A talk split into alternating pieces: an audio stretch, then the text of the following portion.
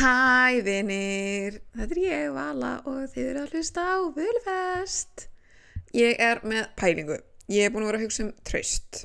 Um, fyrir nokkru mánuðum setti uppáhalds, uppáhalds, já já, setti uppáhalds Instagramarinn minn, hún flex mami fram áhugaverð pælingu á Instastory. Hún var sem sagt að velta fyrir sér hvernig fólk treystir á ólingan hátt og síðan þá hefur verið svolítið að hugsa um þetta og reyna að finna út úr því svona, eða spurja bara fólki í kringum mig hvernig, hvernig það tristir og hugmyndin er að svo að það eru tvær leiðir til þess að trista annars vegar að maður fara inn í aðstæðar með 100% tröst og hins vegar með ekkert tröst um, og mér finnst það svolítið áhugavert og kannski ekki fyrsta skipti sem ég velti þessu fyrir mér en svona kannski fyrsta skipti sem ég hef hort á þetta á svona einfaldan hátt. Um, ég sem sagt geng almennt út frá því að fólk sé traust og fer inn í aðstæður yfirleitt með, ég myndi kannski ekki segja 100% traust en þú veist, kannski með 85% en ég, þú veist, reikna með því að fólk sé bara ágætt fólk og þú veist, já, að fólk sé bara almennt gott fólk. Um, en svo kannski verði oft fyrir vonbröðum og brítið traust mitt og það lækka niður eða whatever.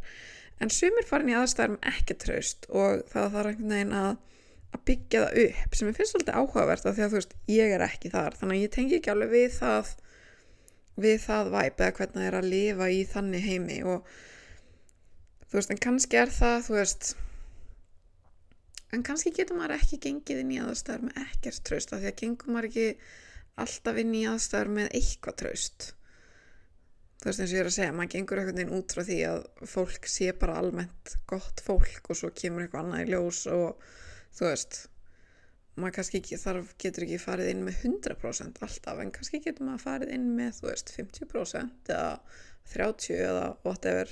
En mér er samt svona áhugavert að pæla í þessu og kannski, einmitt, bara eitthvað svona sem ég langaði að henda út, þú veist.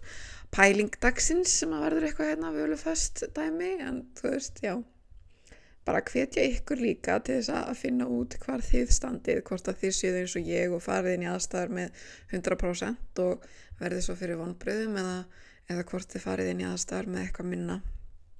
Og ef að þið farið inn með 0% tröst, hvernig er það ekki erfitt? Æ, ég veit það ekki. Kannski er það einfalt. Verður maður einhvern veginn aldrei fyrir vonbröðum ég veit það ekki. Mér er samt svolítið hugrægt að fara kannski inn með, með eitthvað tröst og að treysta því bara að fólk sé gott. Mér finnst eitthvað svona fallegt það. En anyways pælingdagsins vona því pæli líka í hlutunum. Hlakka til að heyra hvað þið segið varðandi allt saman. Um, takk fyrir að hanga með mér. Sjáum slutið aftur, bye